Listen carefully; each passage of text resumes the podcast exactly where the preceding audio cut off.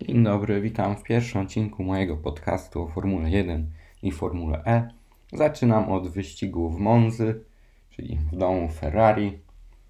I tak, żeby to umieścić w jakiejś skondensowanej formie, powiedzmy, kolejność będzie taka, że kierowca, który wygrał, plus jego kierowca z drużyny, w ten sposób będę omawiał, i pod koniec może się nam wyklaruje jakiś obraz wyścigu. A więc zaczynamy od miejsca pierwszego, czyli Charlesa Leclerca.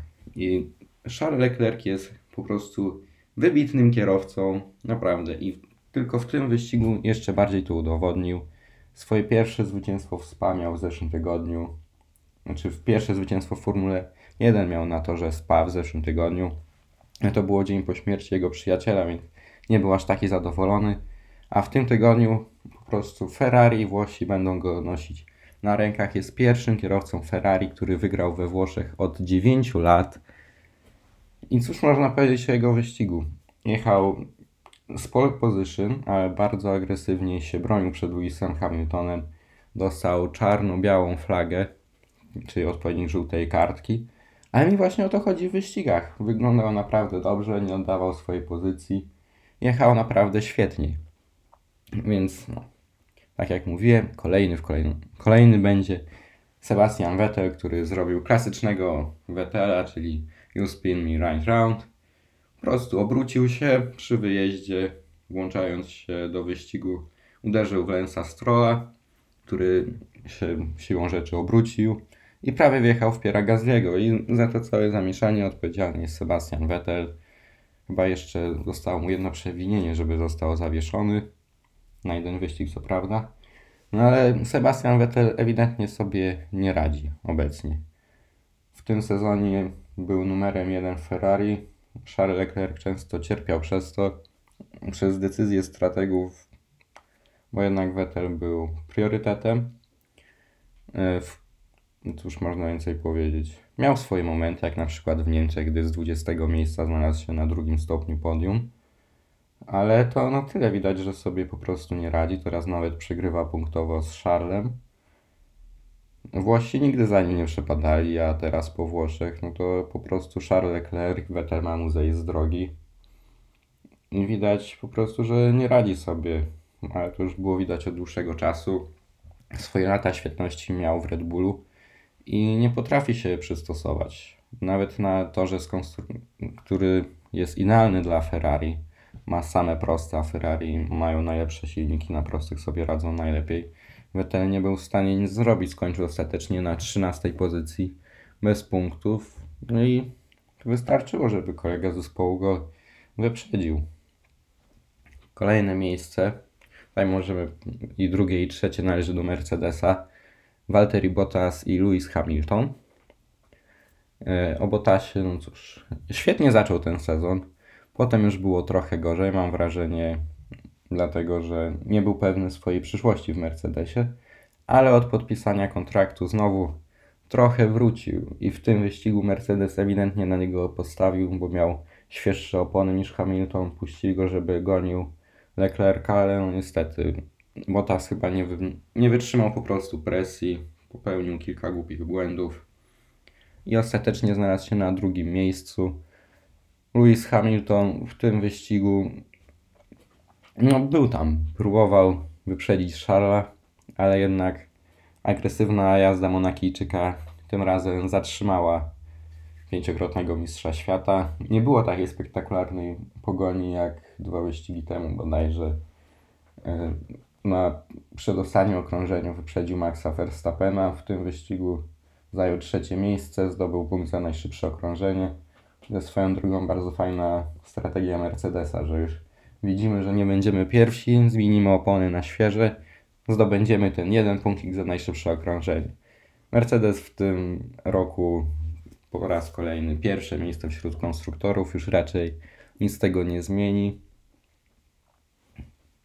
I potem mamy czwarte, piąte miejsce Renault. Wielkie zaskoczenie. Wreszcie Daniel Ricardo i Nico Hulkenberg. I cóż, sezon Renault w tym, znaczy no ten sezon Renault był naprawdę słaby, delikatnie mówiąc, ale podobno Daniel mówił, że to jest sezon przejściowy, szykują się na przyszły rok i oczywiście 2021, bo wtedy będą nowe przepisy, nowe bolidy, więc każdy się do tego jakoś szykuje. I tak. Wreszcie Renault pokazało na co ich stać. Czwarte, piąte miejsce naprawdę świetny wynik. Przez cały weekend wyglądali świetnie. To był w sumie chyba najgorszy do tej pory sezon Daniela Ricardo. Nie jeździł tak jak jeździł dawniej, nie było tej agresji aż tak widocznej, może samochód mu na to nie pozwalał. Ostatni wyścig Spa był stracony przez zamieszanie na pierwszym okrążeniu, gdzie był po prostu postronną ofiarą, powiedzmy. Więc tak to wygląda. Nico Hulkenberg zaczął jeździć dużo lepiej, odkąd się okazało, że w przyszłym sezonie zastąpi go w Renault Esteban Ocon.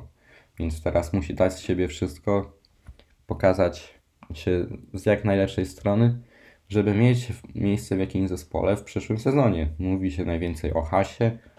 Ja bym jednak w Hasie bardziej wolał zobaczyć Kubicę, ale to do Kubicy przejdziemy później. Hulkenberg powinien znaleźć sobie miejsce. On jest zawsze tym stabilnym kierowcą. On nigdy nie był na podium.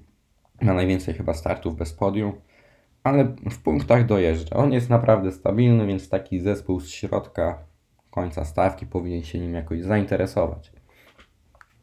Kolejne szóste miejsce mamy Aleksandra Albona. I cóż, to już nie był taki wybitny wyścig jak w zeszłym tygodniu w Spa, gdzie po prostu Albon pod koniec szalał, wyprzedzał wszystkich, jechał naprawdę świetnie. Tutaj po prostu był. Miał, fajną, miał fajne starcie tam z Carlosem Sainzem, więc no, po prostu jeździ. Przez te dwa wyścigi mam wrażenie, że pojechał dużo lepiej niż Gasly przez te swoje 12 w Red Bullu. Więc myślę, że Albon był naprawdę dobrym wyborem. Mam nadzieję, że w przyszłym sezonie zostanie w Red Bullu, bo naprawdę sobie radzi.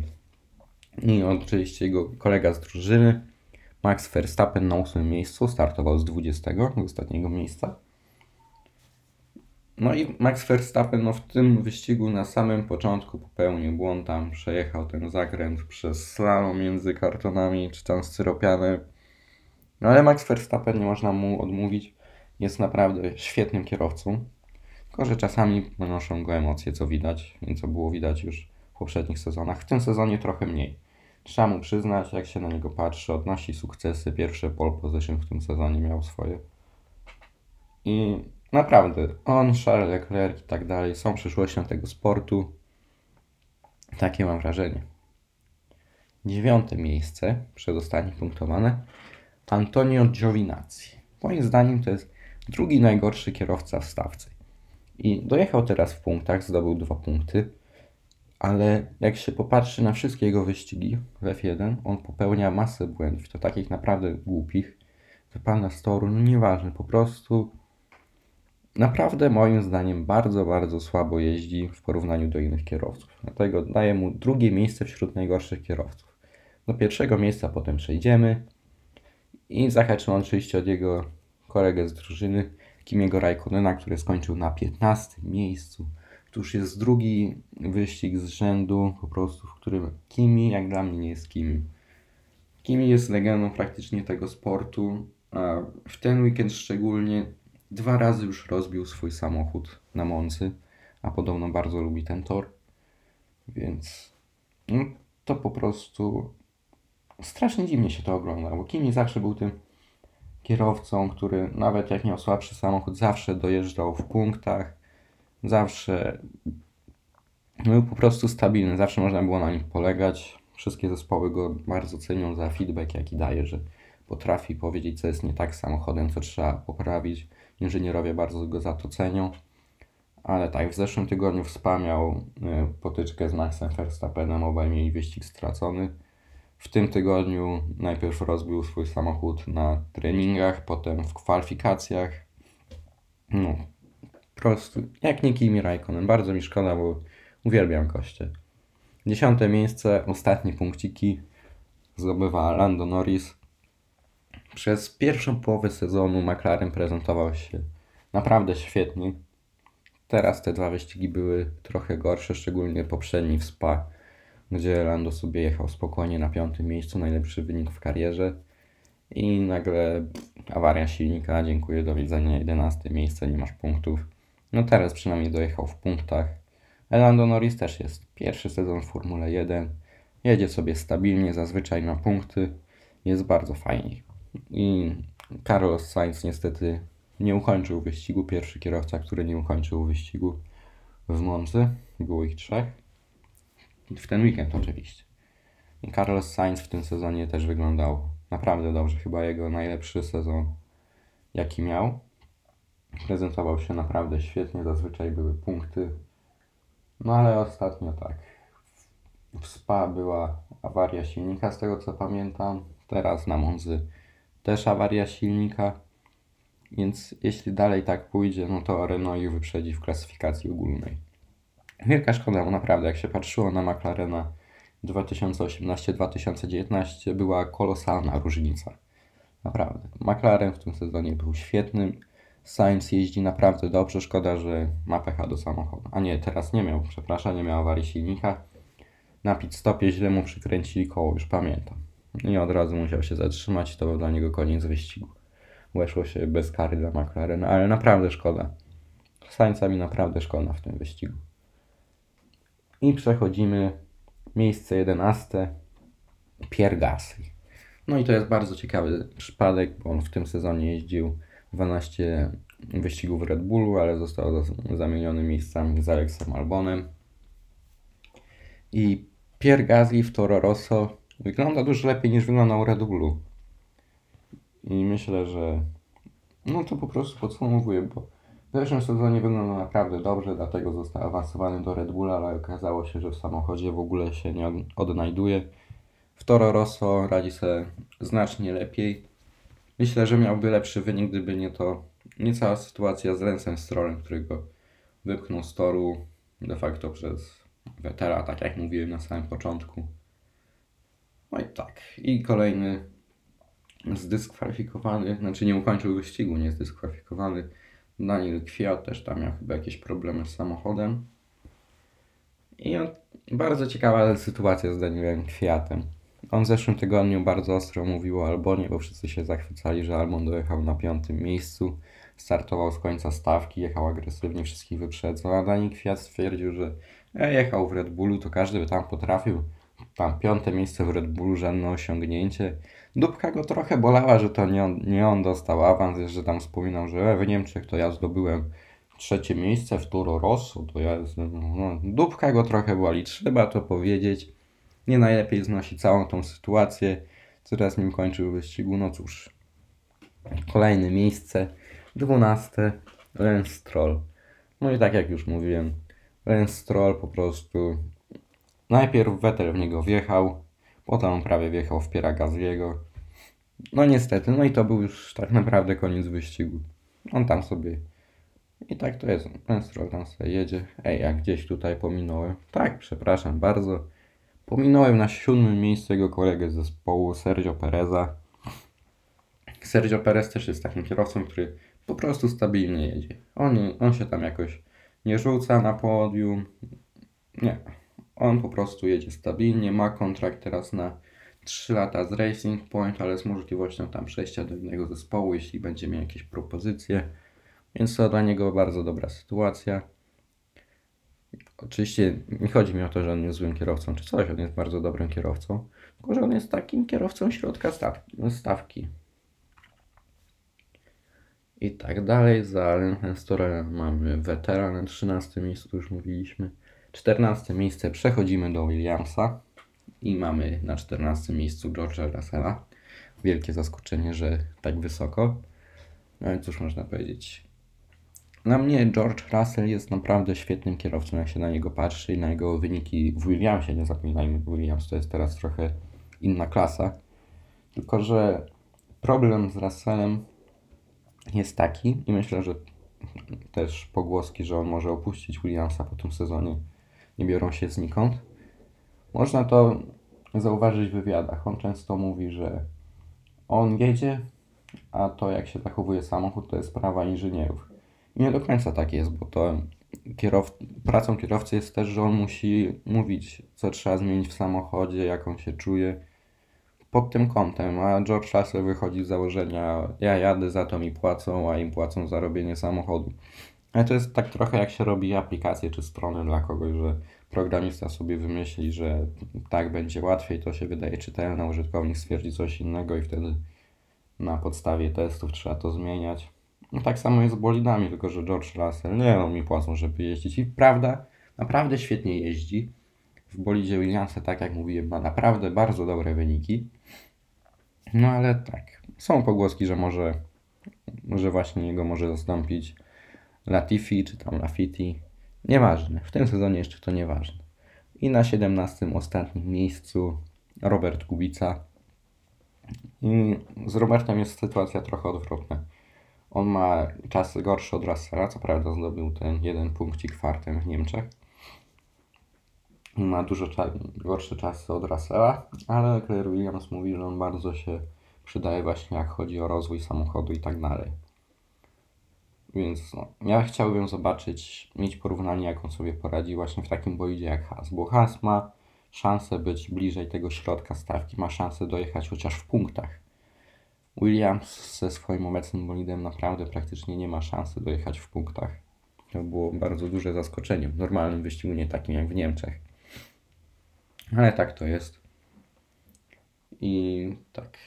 No i zostaje nam ostatni duet. 15 miejsce. Nie, 16 miejsce, przepraszam. Na 15 Kimi. Na 16 Roman Grosjean. I on jest moim zdaniem najgorszym kierowcą w stawce. I poprzedni wyścig w Spa mnie tylko w tym utwierdził. Fani sportu na pewno pamiętają e, sytuację zeszłego roku, gdzie rozgrzewając opony wjechał w band i zaczął krzyczeć, że myślę, że Rickson nas uderzył. Nie, nie. No, Roman Grosjean jest naprawdę kiepskim kierowcą, znaczy w porównaniu z resztą kierowców Formuły 1, o ile można powiedzieć, że ktoś jest kiepskim kierowcą, jeśli jest w Formule 1. To jest inna sprawa, ale podobno też ciężko się z nim dogadać. Ginter, Steiner ma z nim bardzo niekorzystne relacje, mam wrażenie. Z Magnusenem też nie, nie dogaduje z tego, co widać. Więc no, dla mnie jest najgorszym kierowcą w stawce. W zeszłym tygodniu w Spa jego rozmowa e, z mechanikiem. To był mechanik, no powiedzmy tam. Jezu, jak nazwać tego gościa, ja pierdzielę. Zabrakło mi słowa. E, dobra, z tym gościem, z którym gadał przez radio, tak to zostawimy. I on tam mówi, Roman, napieraj, napieraj, masz szansę na punkty, dawaj, ścigasz się, ścigasz. On, nie, nie mamy tempa, w ogóle nie mam tempa, nie mam le, le, le, le, le, le, le. No i tak to jest. I dlatego Roman Grosjean jest dla mnie najgorszym kierowcą obecnie w F1. I kierowcą drugim Hasa, Kevin Magnussen, niestety nie dojechał. Nowa awaria samochodu. I Magnussen też jest takim kierowcą, który jeździ bardzo stabilnie, jeśli jego samochód pozwala. Zawsze, znaczy nie zawsze, ale często kończy tam w punktach, ale to mówię, jeśli samochód pozwala, jeśli nie ma żadnych e, problemów technicznych, a w tym sezonie Haas ma też sporo problemów technicznych i to warto nadmienić. No. To myślę, że na tyle o kierowcach.